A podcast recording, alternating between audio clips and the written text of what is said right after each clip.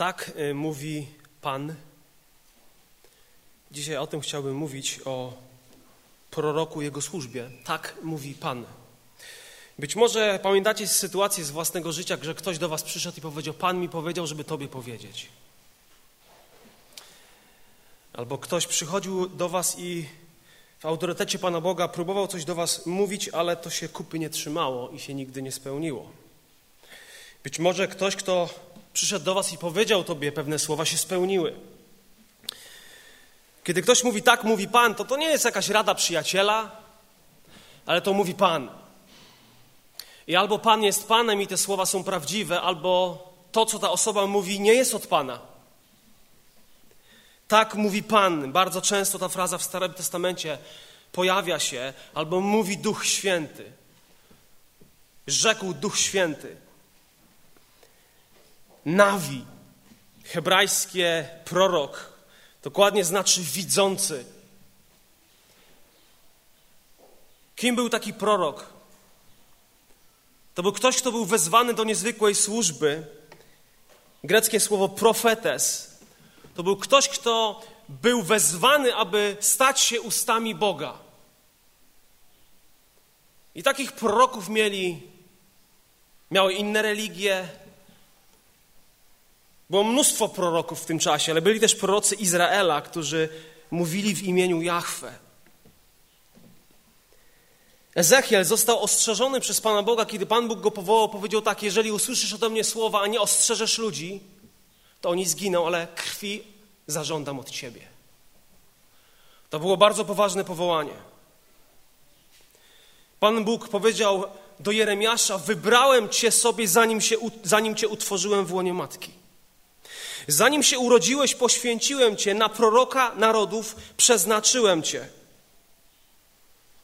Wtedy rzekłem, ach, wszechmocny Panie, oto ja nie umiem mówić, bo jestem jeszcze młody. Na to rzekł do mnie Pan, nie mów, jestem jeszcze młody, bo do kogokolwiek Cię pośle, pójdziesz. I będziesz mówił wszystko, co Ci rozkaże. Nie bój się ich, bo ja jestem z Tobą, aby Cię ratować, mówi Pan. Potem wyciągnął rękę i dotknął moich ust. I rzekł do mnie Pan: Oto wkładam moje słowa w Twoje usta. Patrz, daję Ci dzisiaj władzę nad narodami i nad królestwami, abyś wykorzeniał i wypleniał, niszczył i burzył, odbudowywał i sadził. I czasami prorocy robili różne dziwaczne rzeczy. Jakieś symboliczne akty, czyny. Jeremiasza nazywano płaczącym czy też wrażliwym prorokiem, wrażliwym człowiekiem. Na przykład Izajasz. Był taki czas, że przez trzy lata chodził nago, żeby przedstawić pewną prawdę. Tak mu powiedział Bóg. Trzy lata nagi i bosy. No jakiś dziwak. Kiedy Bóg powołał Jeremiasza, w 20 rozdziale czytamy o tym, że kapłan Paszchur zaczął go bić w pewnym momencie wychłostał go, zakłuł go w dyby i Jeremiasz miał dosyć. Powiedział, Boże, kończę z tym. Kończę z tą Twoją służbą. Namówiłeś mnie, Panie, i dałem się namówić. Pochwyciłeś mnie i przemogłeś. Stałem się pośmiewiskiem na co dzień. Każdy szydzi ze mnie, gdyż ilekroć przemawiam, muszę krzyczeć i wołać gwałt i zniszczenie. I tak słowo Pana stało mi się hańbą i pośmiewiskiem na co dzień. A gdy pomyślałem, nie wspomnę o nim, czyli o tym słowie, i już nie przemówię w jego imieniu, to stało się w, moich, w moim sercu jak ogień płonący, zamknięty w moich kościach. Mozoliłem się, by go znieść, lecz nie zdołałem. Powołanie proroka było powołaniem do końca życia. R.C. Sproul w swojej książce Świętość Boga tak pisze o proroku. Prorok w Izraelu w czasach Starego Testamentu był człowiekiem samotnym, szorstkim, indywidualistą wybranym przez Boga spośród wielu do wykonania bolesnego zadania, niczym oskarżyciel publiczny. Rzecznik sędziego najwyższego niebios i ziemi wznosił oskarżenie przeciwko tym, którzy zgrzeszyli wobec składu sędziowskiego. Prorok nie był ziemskim filozofem, spisującym swe poglądy, by później mogli o nich dyskutować uczeni. Nie był dramaturgiem piszącym sztuki ku uciesze mas. Był posłańcem, heroldem króla. Wypowiedzi zaczynał od słów tak mówi Pan. Zapisy życia proroków brzmią niczym historie męczenników. Średnią długość życia proroka porównać można do średniej życia pułkowników marynarki wojennej w czasie działań zbrojnych. Gdy o Jezusie mówiono wzgardzony i odrzucony przez ludzi, mąż boleśni, doświadczony w cierpieniu, to wyraźnie widać, że dołączył Chrystus do grona tego szerokiego grona tych, których Bóg przeznaczył do takiego cierpienia. Przekleństwem proroka była samotność, jego domem grota, pustynia. Stawała się miejscem spotkania z Bogiem. Nagość zastępowała mu czasem odzienie, a drewniany kij krawat. Pieśni komponował wśród łez, Takim człowiekiem był Izajasz, syn Amosa. Powołany, powołaniem proroka było powołanie od samego Boga. Prorok musiał zostać wyselekcjonowany, wybrany bezpośrednio przez samego Boga. Było to powołanie najwyższe. Powołanie, którego się nie odrzuca. Prorokiem zostawało się na całe życie. Taki był los proroków. I charakteryzowała ich wierność. Wiernie przekazywali to, co Bóg im mówił. Wiernie stali na stanowisku, nawet wtedy, kiedy byli chłostani, biczowani i tracili życie. Wiernie zwiastowali to, co Bóg do nich mówił. A jak oni kończyli? Jak prorocy kończyli? Jak kończyło się ich życie? Jezus powiedział takie słowa: Jeruzalem, Jeruzalem, które zabijasz proroków i kamienujesz tych, którzy do ciebie byli posłani. Ileż to razy chciałem zgromadzić dzieci twoje, jak kokosz zgromadza pisklęta pod skrzydła, nie chcieliście. Byli zabijani. Byli kamienowani. I taki opis bycia prorokiem Pana, wiecie co, nijak się ma często do tego, co dzisiaj widzę i kiedy patrzy na ludzi, którzy mówią, że są prorokami Pana, to są jacyś celebryci, wynoszeni do piedestału. Prorok miał bardzo trudną służbę. Czy dzisiaj jest urząd proroka? Czy ktokolwiek dzisiaj może powiedzieć, że dostał powołanie bezpośrednio od Boga i jest tym, który jest ustami Pana? Jak mogę wiedzieć? Jak mogę sprawdzić, że ktoś do mnie przychodzi i mówi, to mi Pan powiedział? Jak mogę to sprawdzić i zweryfikować? No bo przecież jak Pan mówi, to nie ma dyskusji. Jeżeli ktoś jest prorokiem Pana, czyli jest ustami Pana, to nie ma dyskusji. Proroctwo to jest czyste Słowo Boże, bo prorocy wypowiadali prorocze słowa. Czyste Słowo Boże. To jest przede wszystkim proroctwo było starotestamentowym sposobem przekazywania, objawienia, odsłonięcia szczególnego od Boga. Bóg wybierał kogoś, objawiał się jemu i ten człowiek to, co zobaczył, to, co usłyszał, przekazywał dalej. To były słowa od samego Jahwe. Proroctwo miało budować, napominać, pocieszać. I prorok to nie był ktoś, kto przepowiadał przyszłość. Tak zazwyczaj się mówi, o przypowiada przyszłość. To był ktoś, kto zwiastował Słowo Boże, przypominał to, co już było powiedziane przez Boga. I również oczywiście mówił o przyszłych rzeczach. 100% skuteczności, 100% prawdy. To, co mówi, było nieomylne, bezbłędne.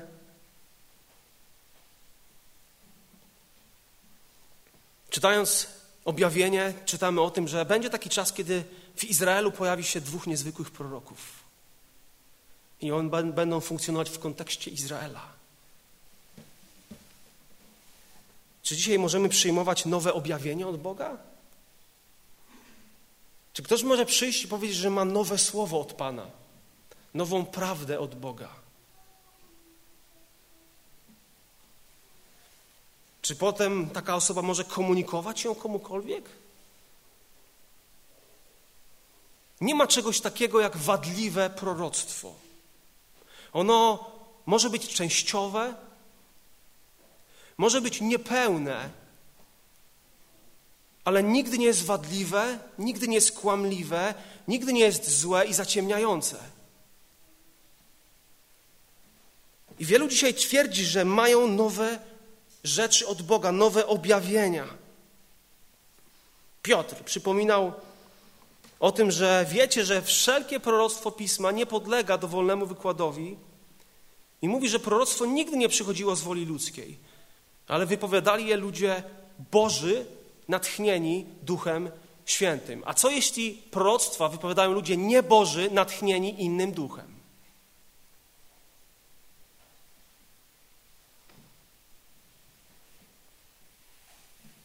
Duch Boży inspirował ludzi, inspirował proroków. I kiedy Pan Bóg mówił do proroka, to nie było jakieś niejasne, ale to było tak wyraźne, że on nie musiał się uczyć słuchać od Boga.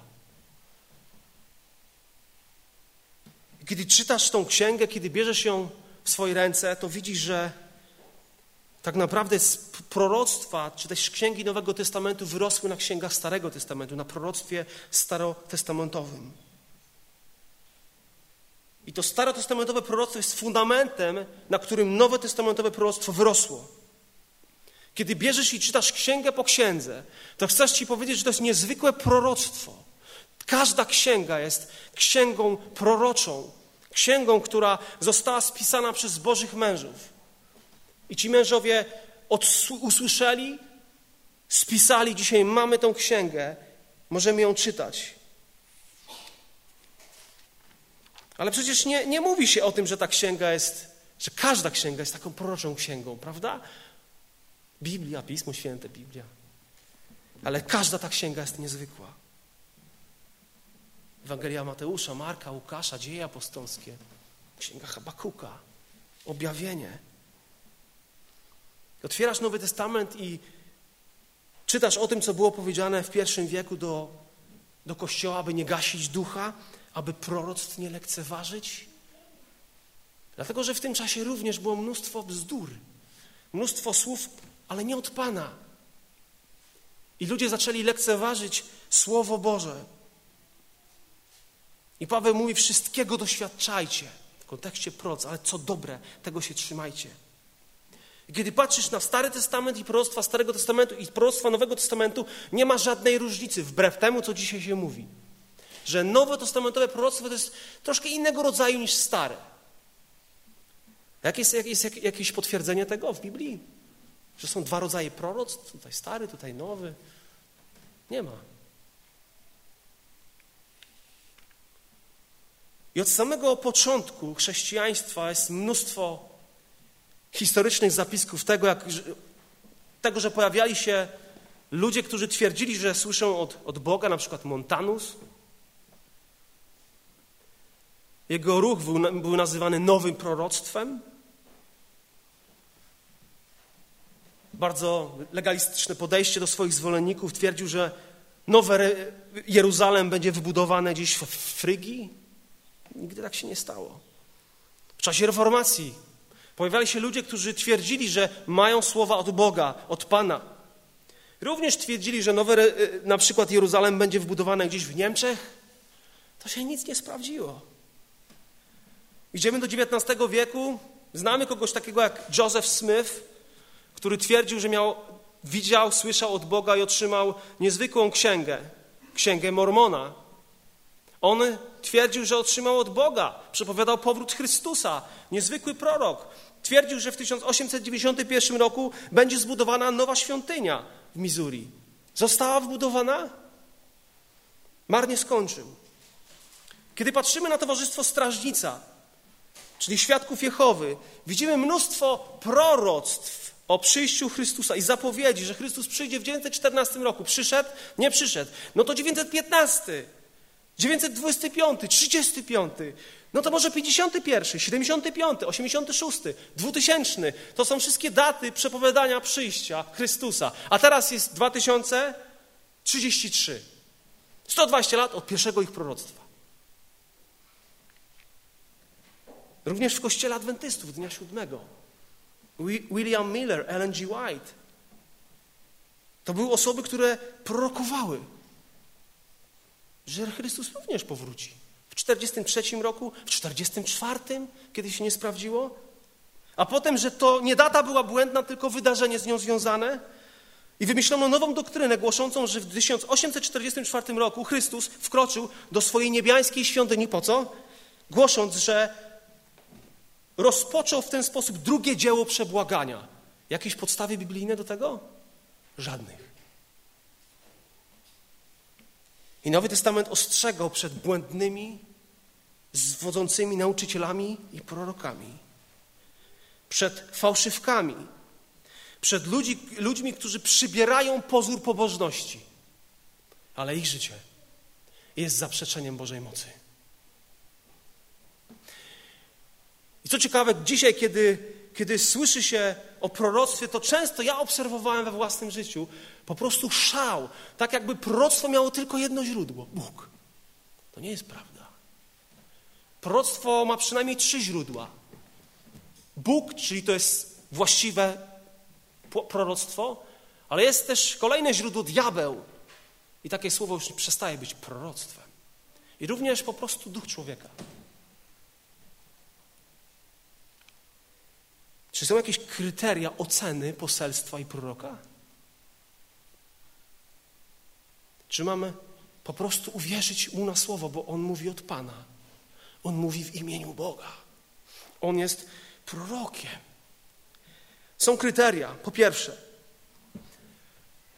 to jest kryteria prawdy, czy kryteria doktryny, czy też doktrynalnej ortodoksji. Prawdziwy Boży prorok, kiedy zwiastował słowo od Boga, ono było prawdziwe, właściwe.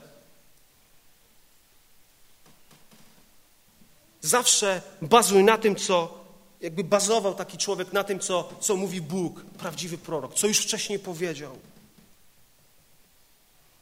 Kto prowadził ludzi do fałszywej doktryny, fałszywej herezji, był fałszywym prorokiem.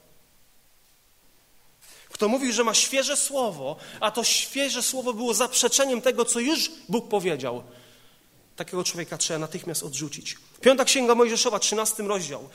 Czytamy takie słowo: Wszystko, co ja wam powiedziałem, starannie wypełniajcie. Nic do tego nie, będziecie, nie będziesz dodawał, ani niczego od tego nie umiesz.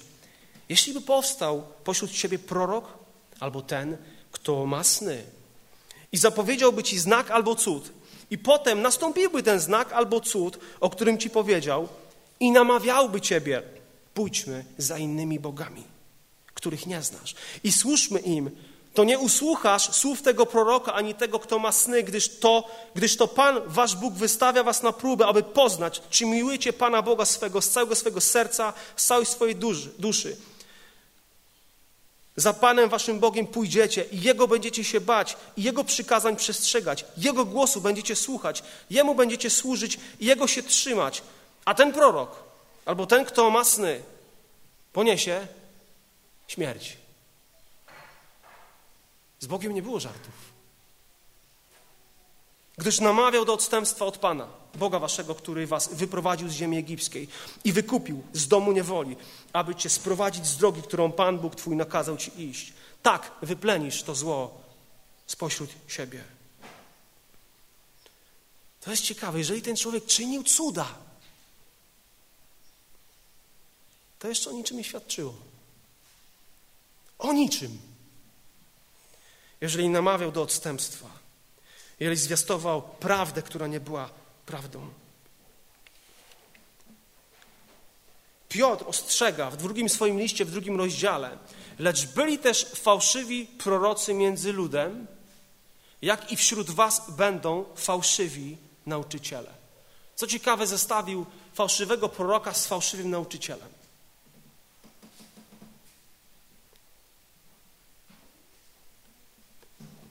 Byli ci, którzy twierdzili, że mówią od Pana i zwiastowali między innymi to, że jest dziewięć osób Trójcy, że Jezus na krzyżu przyjął naturę szatana, stał się szatanem. Brednie.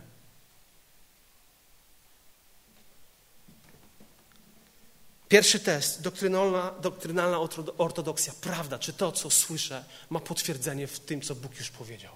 Drugi test, drugie kryterium, to jest kryterium pewnej moralnej integralności człowieka, który stał i mówił.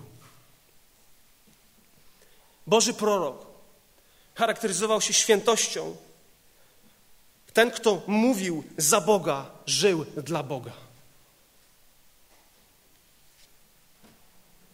Nie żył podwójnymi standardami.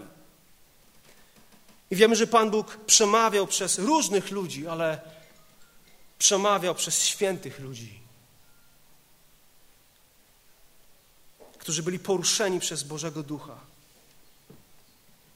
I kiedy widziałeś człowieka, który żył w porządliwości, w chciwości, w grzechu i mówił, że jest prorokiem Pana, takiego człowieka odrzucałeś.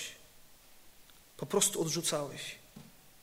Jeżeli widziałeś człowieka, który nie mówił prawdy i nie pokutował z niej, był fałszywym prorokiem. I to, że sporadycznie trafił coś, przepowiedział, to nie potwierdzało jego daru, jego funkcji. To, że ktoś coś mówi, prorokuje, to nawet nie potwierdza nawrócenia tego człowieka.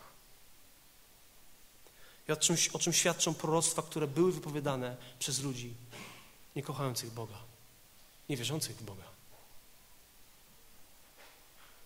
Jeremiasz, prorok w 23 rozdziale mówi, widziałem wprawdzie u proroków Samarii rzeczy gorszące. Prorokowali w imieniu Baala i zwodzili mój lud Izraela. Lecz u proroków Jeruzalemu widziałem zgrozę. Cudzołożą, postępują kłamliwie i utwierdzają złoczyńców w tym, aby żaden nie odwrócił się od swojej złej złości. To też wszyscy stali się dla mnie jak Sodoma, a jego mieszkańcy jak Gomora. Dlatego tak mówi Pan zastępów o prorokach. Oto ja nakarmię ich piołunem i napoję ich trucizną, gdyż od proroków Jerozolemu wyszła bezbożność na cały kraj. To mówi Pan zastępów. Nie słuchajcie słów proroków, którzy wam prorokują. Oni was tylko mamią. Widzenie swojego serca zwiastują, a nie to, co pochodzi z ust Pana. Ustawicznie mówią do tych, którzy gardzą słowem Pana. Pokój mieć będziecie. A do tych wszystkich, którzy kierują się uporem swojego serca, mówią: Nie przyjdzie na was nic złego. Co za dziwna sytuacja. Ci, którzy mieli żyć w pobożności, mieli zwiastować słowo Pana, od nich wychodziła bezbożność na cały kraj. I Pan Jezus w kazaniu na górze mówił, że po owocach poznasz takich ludzi, po owocach ich życia. Piotr, mówiąc o, o fałszywych prorokach, przyrównując do fałszywych nauczycieli, mówił, że wielu pójdzie za rozwiązłością tych ludzi, a droga prawdy będzie przez nich pohańbiona. Z chciwości wykorzystywać was będą przez zmyślne opowieści, lecz wyrok potępienia na nich od dawna zapadł i zguba ich nie drzemie. Oni sami żyją bezbożnie i widać to również w ich naśladowcach. Folgowanie swoim rządzom, cielesność, chciwość. Wiecie co, kiedy patrzymy na Kościół dzisiaj, widzimy setki takich przykładów. I pół świata się wzoruje na tych pseudoprorokach. Ich książki dostaniesz za darmo. Ciągłe skandale, kontrowersje. Toronto Blessing, Kansas City Prophets. Tak zwane wielkie nazwiska. Wielcy prorocy, wielcy apostołowie, Mike Bickle, Rick Joyner, Bob Jones, Paul Kane. I może powiedzieć, nie krytykuj tych ludzi.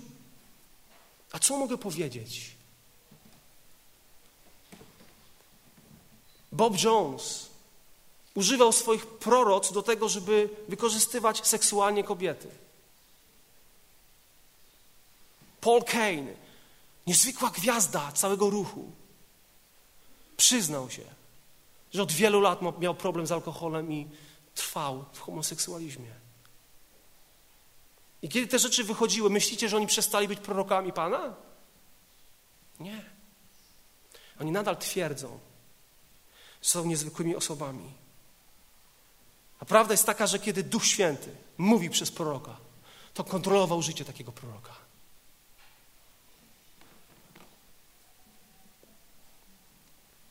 Jest trzecia, trzecie kryterium, przepowiadana dokładność. Kiedy prorok mówił, że coś się stanie, to to się stało.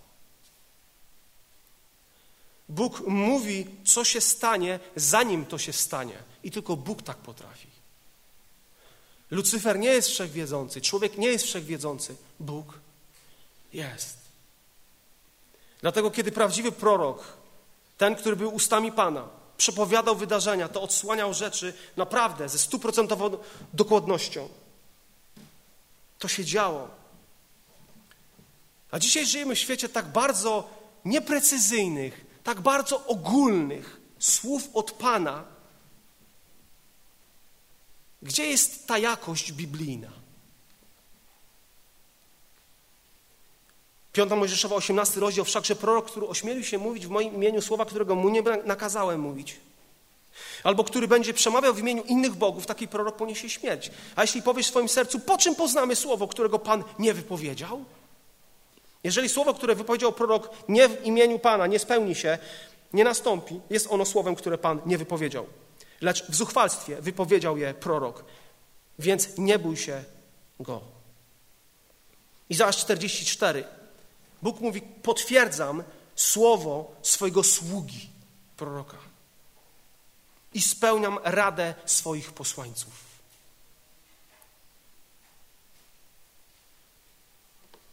Bóg potwierdza słowo swoich ludzi. Jeremasz 28, natomiast prorok, który prorokuje o pokoju, zostaje uznany za proroka, którego prawdziwie posłał Pan, dopiero gdy spełni się jego słowo. Ezechiel mówił, gdyż ja Pan wypowiem słowo, a co ja wypowiem, to się stanie i już się nie odwlecze. Jeżeli ja wypowiadam, to to się dzieje. Niedawno zacząłem czytać księgę Samuela. Jestem zachwycony osobą Samuela. Ten młody chłopak, oddany przez swoją mamę do służby w świątyni. Czytamy o tym, że rósł Samuel, a Pan był z nim.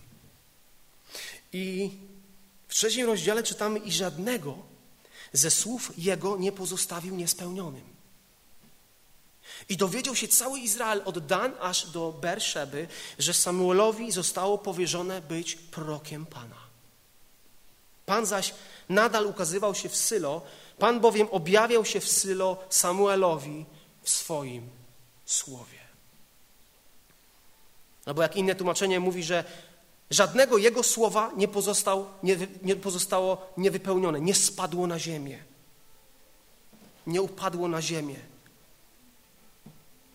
Ezechiel wołał, tak mówi wszechmocny Pan, biada prorokom głupim, którzy postępują według własnego ducha, chociaż nic nie widzieli. Twoi prorocy Izraelu są jak lisy w ruinach. Nie weszli w wyłom i nie usypali kamiennego wału wokół domu izraelskiego, aby mógł się ostać w bitwie w dniu Pana. Mieli fałszywe widzenia i prorokowali kłamliwie. Mówią, to jest słowo Pana, chociaż Pan ich nie posłał. A jednak oczekują, że spełni ich słowo.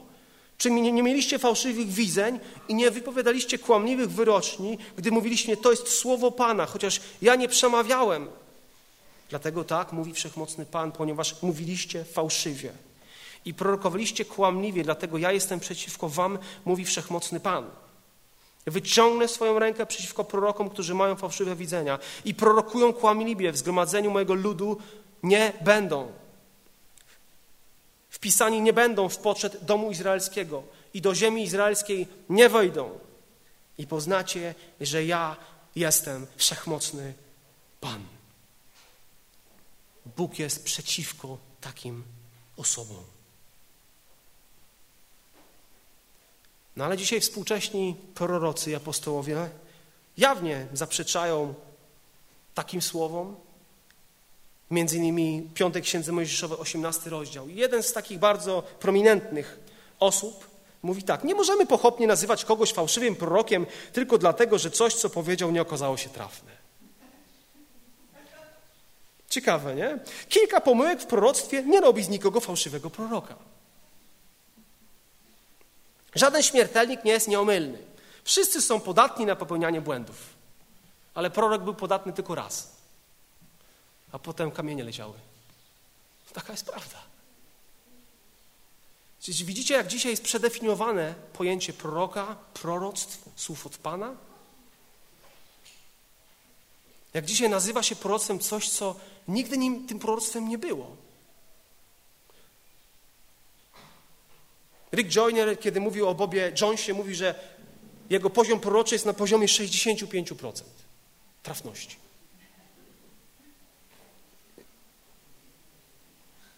Inni mają tylko 10%. Prorocy Pana. Ktoś, kto jest całkiem niezły, ma od 85 do 95% skuteczności. Proroctwo wzrasta w świętości, ale ciągle jest długa droga przed tymi, którzy chcą nią iść. Gdzie jest potwierdzenie tego w Biblii? Że kiedy prorocy mówili, to taka dokładność była różna.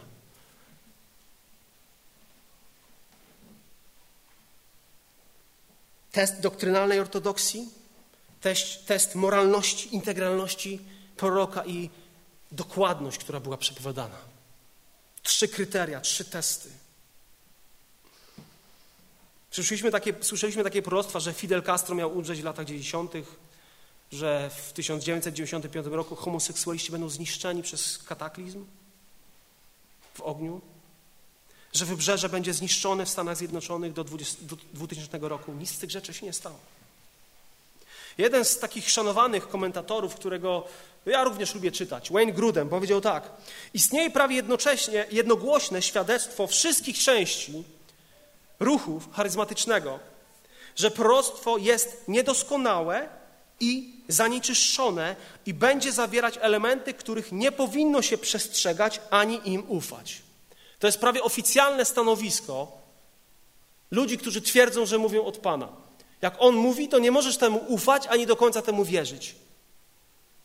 To za czym mamy iść? Za kim mamy iść? Kogo mamy słuchać? Jeżeli taka jest jakość, która przychodzi od Pana, jakiego Pana? I mówi się, że dzisiaj są i były zawsze dwa rodzaje proroctw i proroków.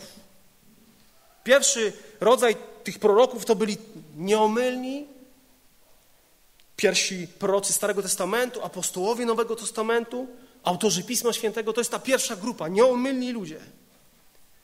Ich proroctwo było autorytatywne, to była prawda, ale też jest druga grupa. Tak zwani prorocy wspólnotowi, kongregacyjni, którzy są w zborach, no oni już nie do końca tak dobrze sobie radzą. I to jest dla nich wszystko w porządku. Wiecie co, ciekawa rzecz, że kiedy ja to odkryłem, że kiedy zaczynasz zadawać pytanie komuś, kto mówi do ciebie w imieniu Pana, to pojawia się bardzo dziwna reakcja. Często jest zakaz oceny i krytyki, zakaz w ogóle podważania autorytetu pastora, czy tego, czy tamtego. To jest słowo od Pana, które masz wziąć. Kiedy zaczynasz zadawać pytanie o biblijność pewnych rzeczy, to jest od razu krytyka.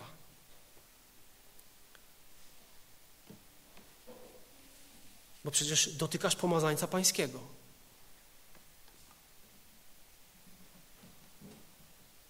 Kiedyś prorok szedł do ludzi z bojaźnią. Dzisiaj to ludzie szukają proroków. Pamiętaj, że źródło proroctwa to jest Bóg, diabeł lub człowiek.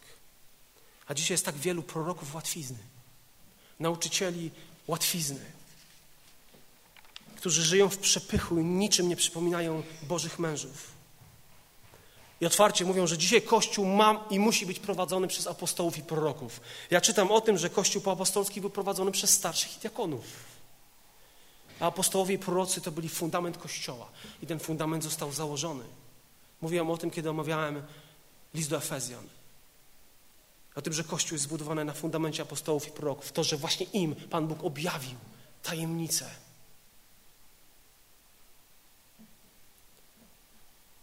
I tak wielu dzisiaj boi się powiedzieć cokolwiek przeciwko takim pseudoprorokom, bojąc się, że dotkną Pana tym.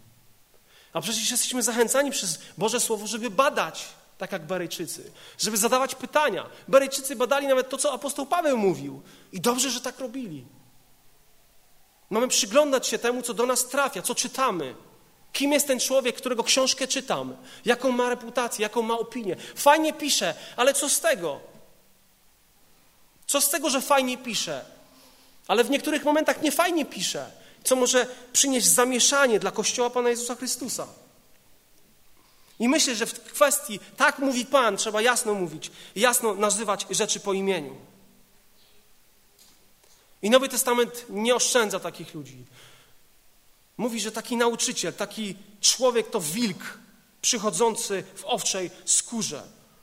To jest ktoś, kto przybiera postać anioła światłości. Po co? Aby szerzyć kłamstwo, szerzyć oszczerstwo, szerzyć zamieszanie. I to jest najgorsze, że ci ludzie nigdy otwarcie nie zaparli się Chrystusa, tylko przychodzą w imieniu Chrystusa. Twierdząc, że mają autorytet od Ducha Świętego i wara, jak ten autorytet podważasz. Jest odstęp, podstęp, oszustwo. Mamy trzy kryteria, które były, są kryteriami biblijnymi. Kiedy weźmiesz te kryteria i przyłożysz do ludzi, którzy do ciebie przychodzą, czy może do swojego własnego mówienia, to co wychodzi?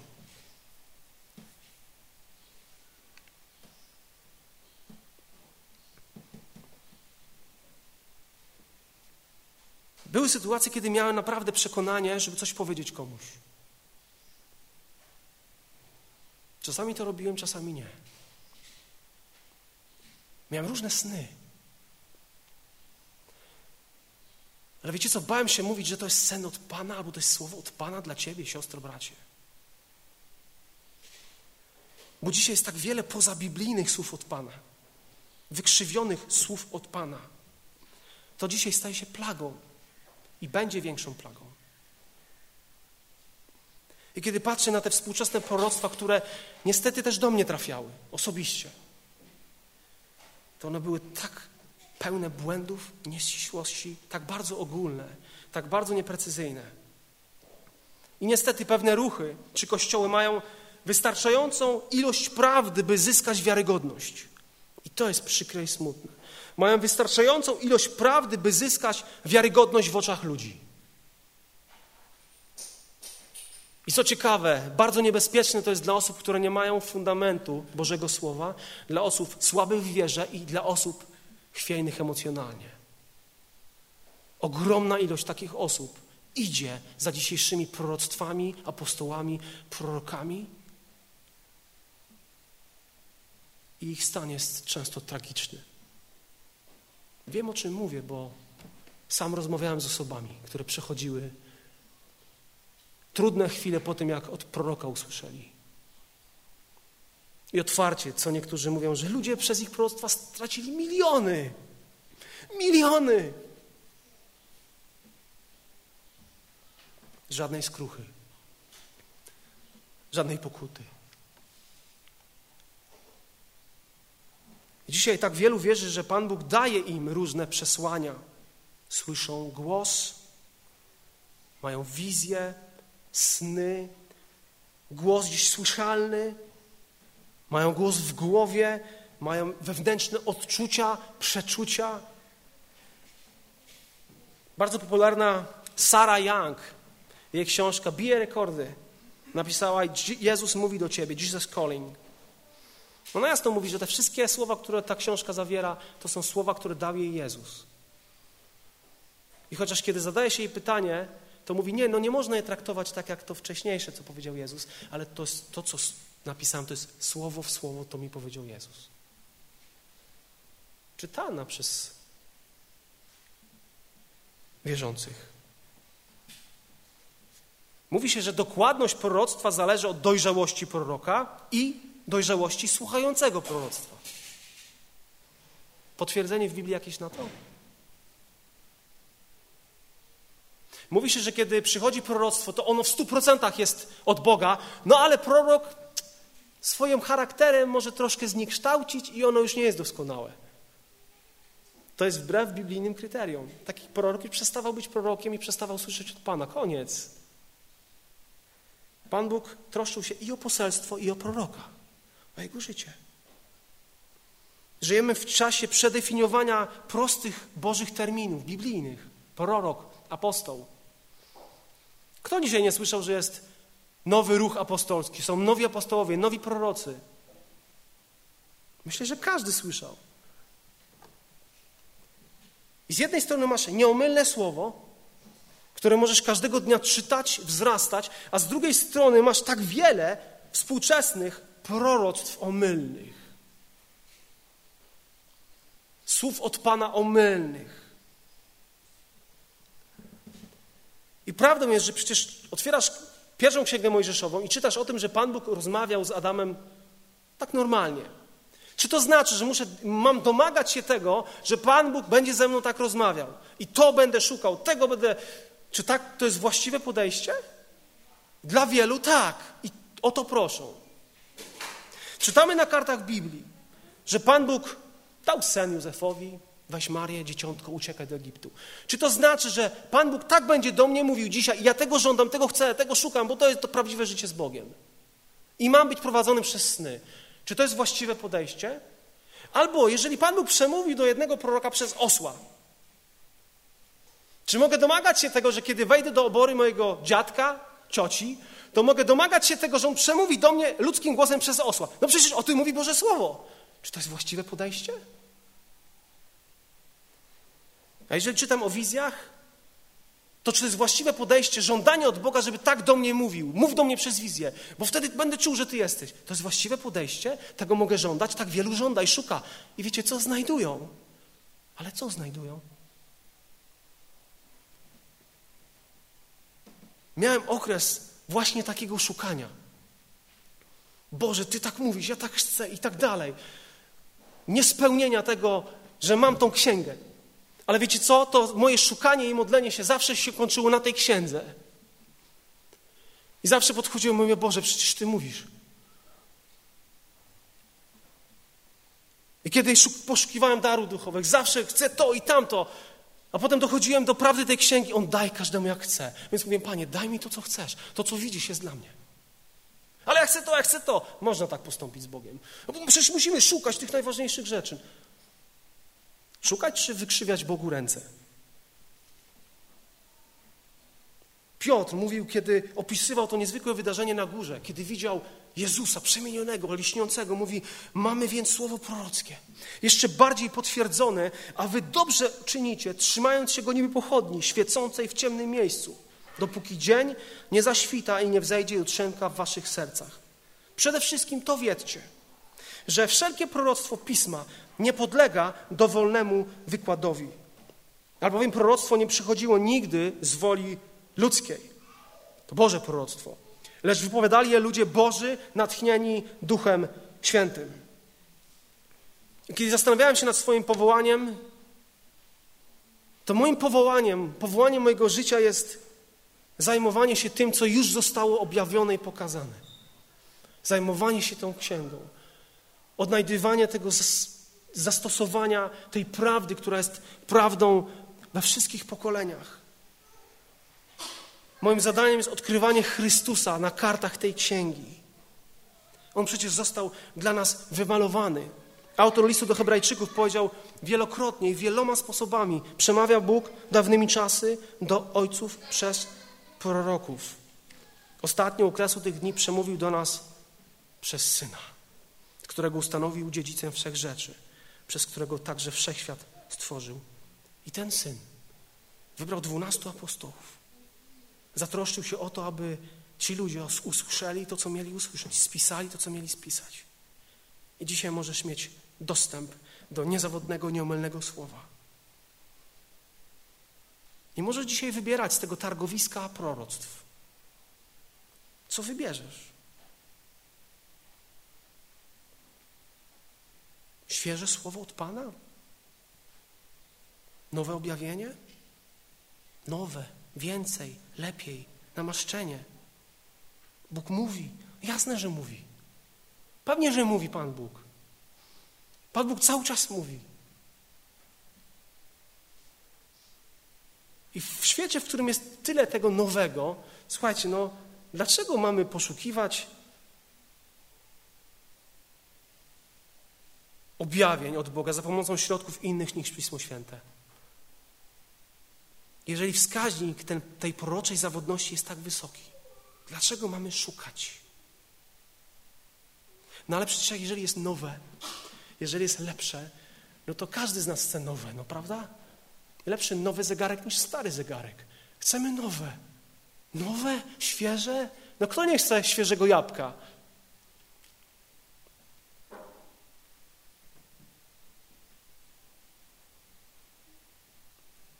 Jest też jedna prawidłowość. Kiedy widziałem pewną taką fascynację tym, co nowe, świeże, tymi nowymi objawieniami, proroctwami, tym, że Pan mówi, no mówi, pewnie, że mówi, to odkrywałem jedną rzecz, często, że Słowo Boże było zaniedbywane. A kiedy próbowałem w jakiś sposób odsyłać do tej księgi, to bardzo często się słyszy, to jest litera. To jest litera.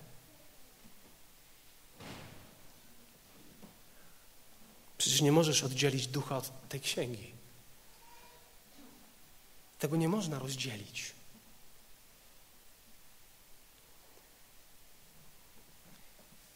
I niestety te osoby, które nie są utwierdzone w wierze, bardzo często szukają tego, co nowe i świeże.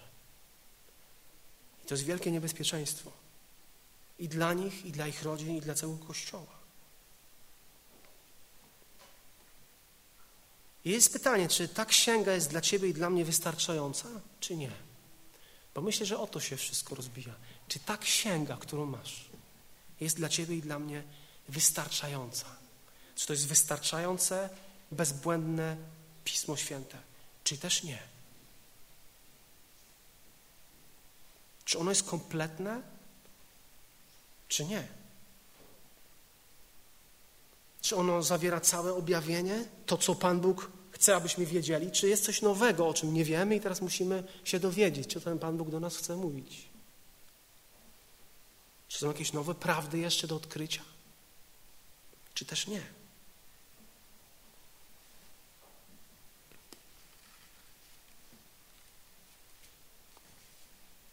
Jeden z angielskich kaznodziejów, Martin Lloyd Jones, bardzo lubię tego człowieka, powiedział takie słowa. Kiedy księgi Nowego Testamentu zostały spisane, urząd proroka przestał być niezbędny.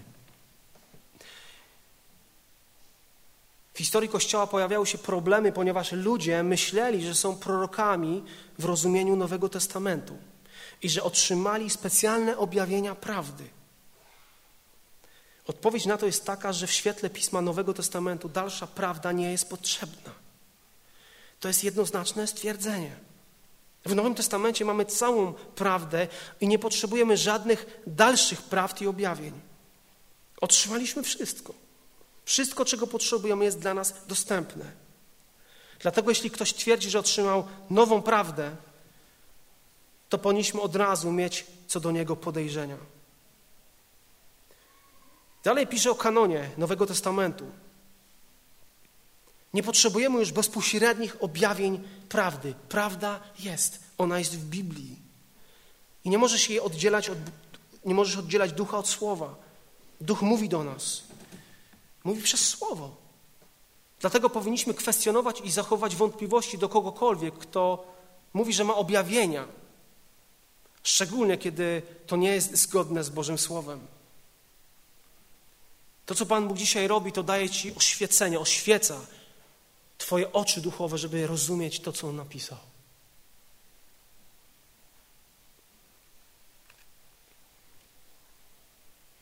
Nie ma różnicy między proroctwem Starego i Nowego Testamentu. Jesteśmy zachęceni do tego, żeby badać, żeby szukać, żeby słuchać. Tak jak powiedziałem, 100% dokładności. I kiedy Pan mówi, tak mówi Pan. To, co On mówi, jest zawsze doskonałe, trafne, prawdziwe, nieomylne. On nie kłamie. I przecież prawda jest fundamentem chrześcijaństwa.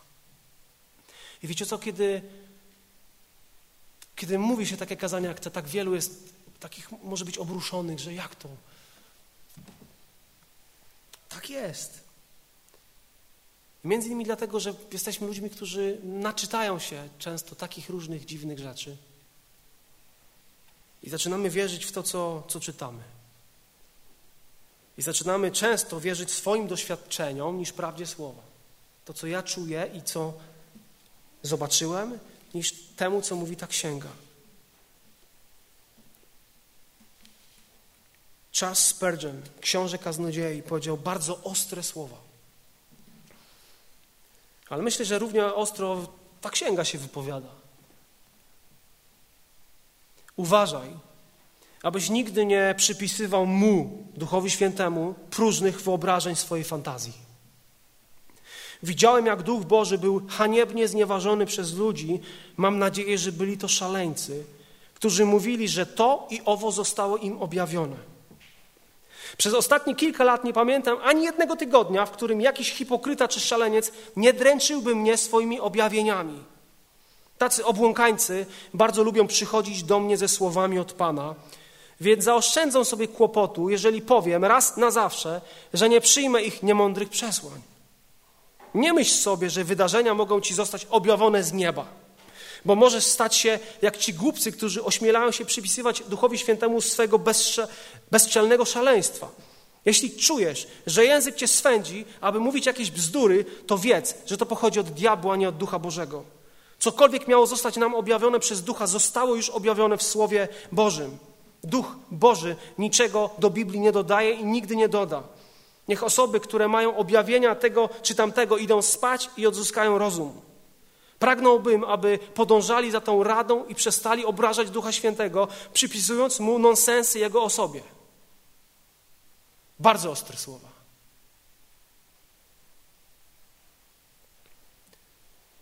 Jeremiasz mówił tak. Tak mówi Pan zastępów. Nie słuchajcie słów proroków, którzy wam prorokują, oni was tylko mamią. Widzenie swego serca zwiastują, a nie to, co pochodzi z ust Pana. Ustawicznie mówią do tych, którzy gardzą słowem Pana, pokój mieć będziecie, a do tych wszystkich, którzy kierują się uporem swojego serca, mówią, nie przyjdzie na was nic złego. Gdyż kto uczestniczył w Radzie Pana, by widzieć i słyszeć Jego Słowo? Kto przyjął Jego Słowo, by móc zwiastować? Oto zawierucha Pana zrywa się i huragan unosi się kłębami, nad głowami bezbożnych się kłębi. Nie uśmierzy się żar gniewu Pana, aż spełni i urzeczywistni zamysły Jego serca. W dniach ostatecznych dokładnie to zrozumiecie. Nie posyłam proroków, a oni jednak biegną.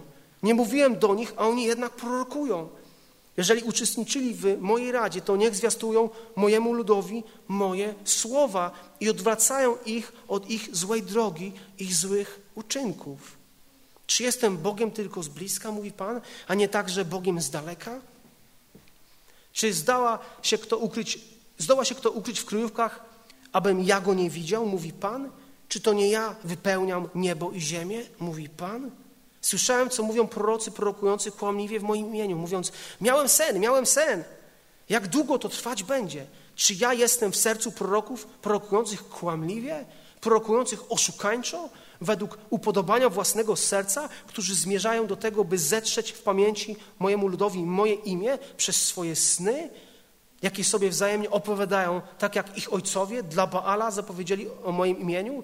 Prorok, który ma sen, niech opowiada sen, a ten, który ma moje słowo, niech wiernie zwiastuje moje słowo. Cóż plewie do ziarna, mówi Pan.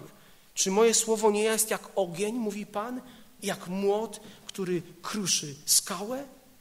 Dlatego ja wystąpię przeciwko tym prorokom, mówi Pan, którzy sobie nawzajem wykradają moje słowa. Oto ja wystąpię przeciwko prorokom, mówi Pan, którzy używają swojego języka i mówią, że to wyrocznia. Oto ja wystąpię przeciwko prorokom, którzy za proroctwa podają sny kłamliwe, mówi Pan, a opowiadając je zwodzą mój lud swoimi kłamstwami i przechwałkami.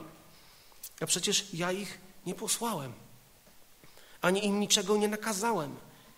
Oni zaś temu ludowi zgoła nic nie pomagają, mówi Pan.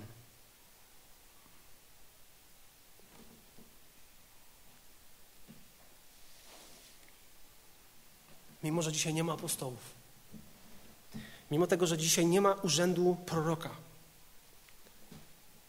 to Pan Bóg ciągle mówi. Przygotowuje świętych przez swojego Ducha Świętego, przez swoje słowo. Bóg daje zrozumienie tej księgi zrozumienie tego słowa może się odkrywać, brać do siebie i ta prawda Bożego Słowa zaczyna kierować Twoim życiem. Zaczyna być dla Ciebie pochodnią, drogowskazem, zasadą życia, prawdą życia. I pamiętaj, że Bóg nie mówi tego, czego nie miał na myśli.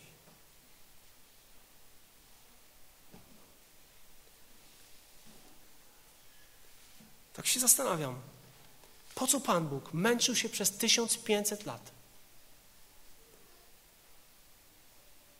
Znalazł 40 autorów w tej księgi. którzy pisali na trzech kontynentach, w trzech językach. Po co on się męczył, jak przecież mówi się, że on dzisiaj tak może do ciebie do łóżka mówić? Tak bezpośrednio. To po co tą starą księgę mieć? Skoro Pan Bóg mówi, może tobie i mnie mówić do ucha, tak codziennie, tak jak niektórzy mówią o tym, co mają zjeść, jaki samochód kupić, w co się ubrać. Po co on się męczył? Albo co innego Pan Bóg ma jeszcze powiedzieć, abyśmy inaczej żyli? Co innego mamy usłyszeć, innego od tego, co jest tutaj, abyśmy poważnie traktowali tego, który wszystko stworzył? Po co? Po co Pan Bóg ma marnować swój oddech, swoje tchnienie? By dać coś nowego, coś innego, coś świeżego. Jeżeli dał tak wiele w Starym i Nowym Testamencie i tak z taką niedbałością tak wielu do tego podchodzi, po co on ma marnować swój oddech?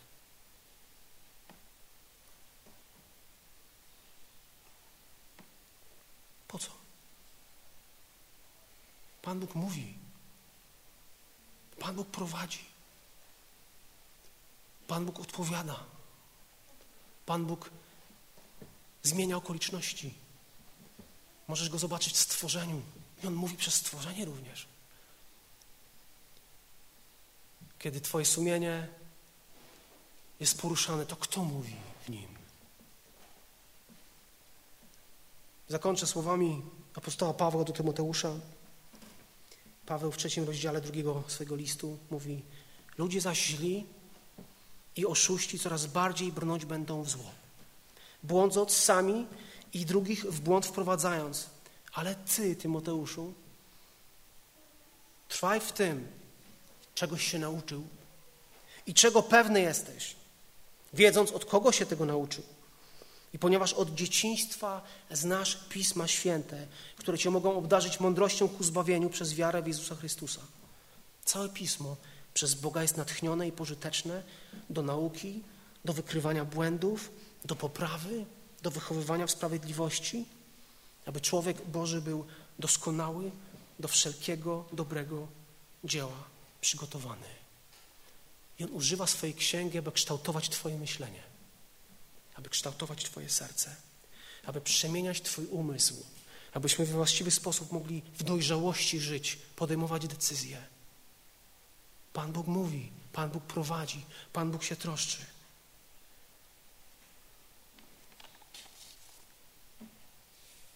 Ale On pragnie też przemieniać Twój umysł i w taki sposób mówić i przemieniać Ciebie,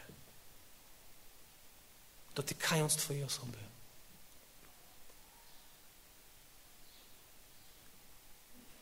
Zachęcam Cię do tego, żeby stawać w obronie Biblii, żeby stawać w obronie prawdziwych proroków, prawdziwych apostołów, żeby odzywać się, kiedy ktoś rości sobie prawo do tego, żeby nazywać się człowiekiem tak, mówi Pan.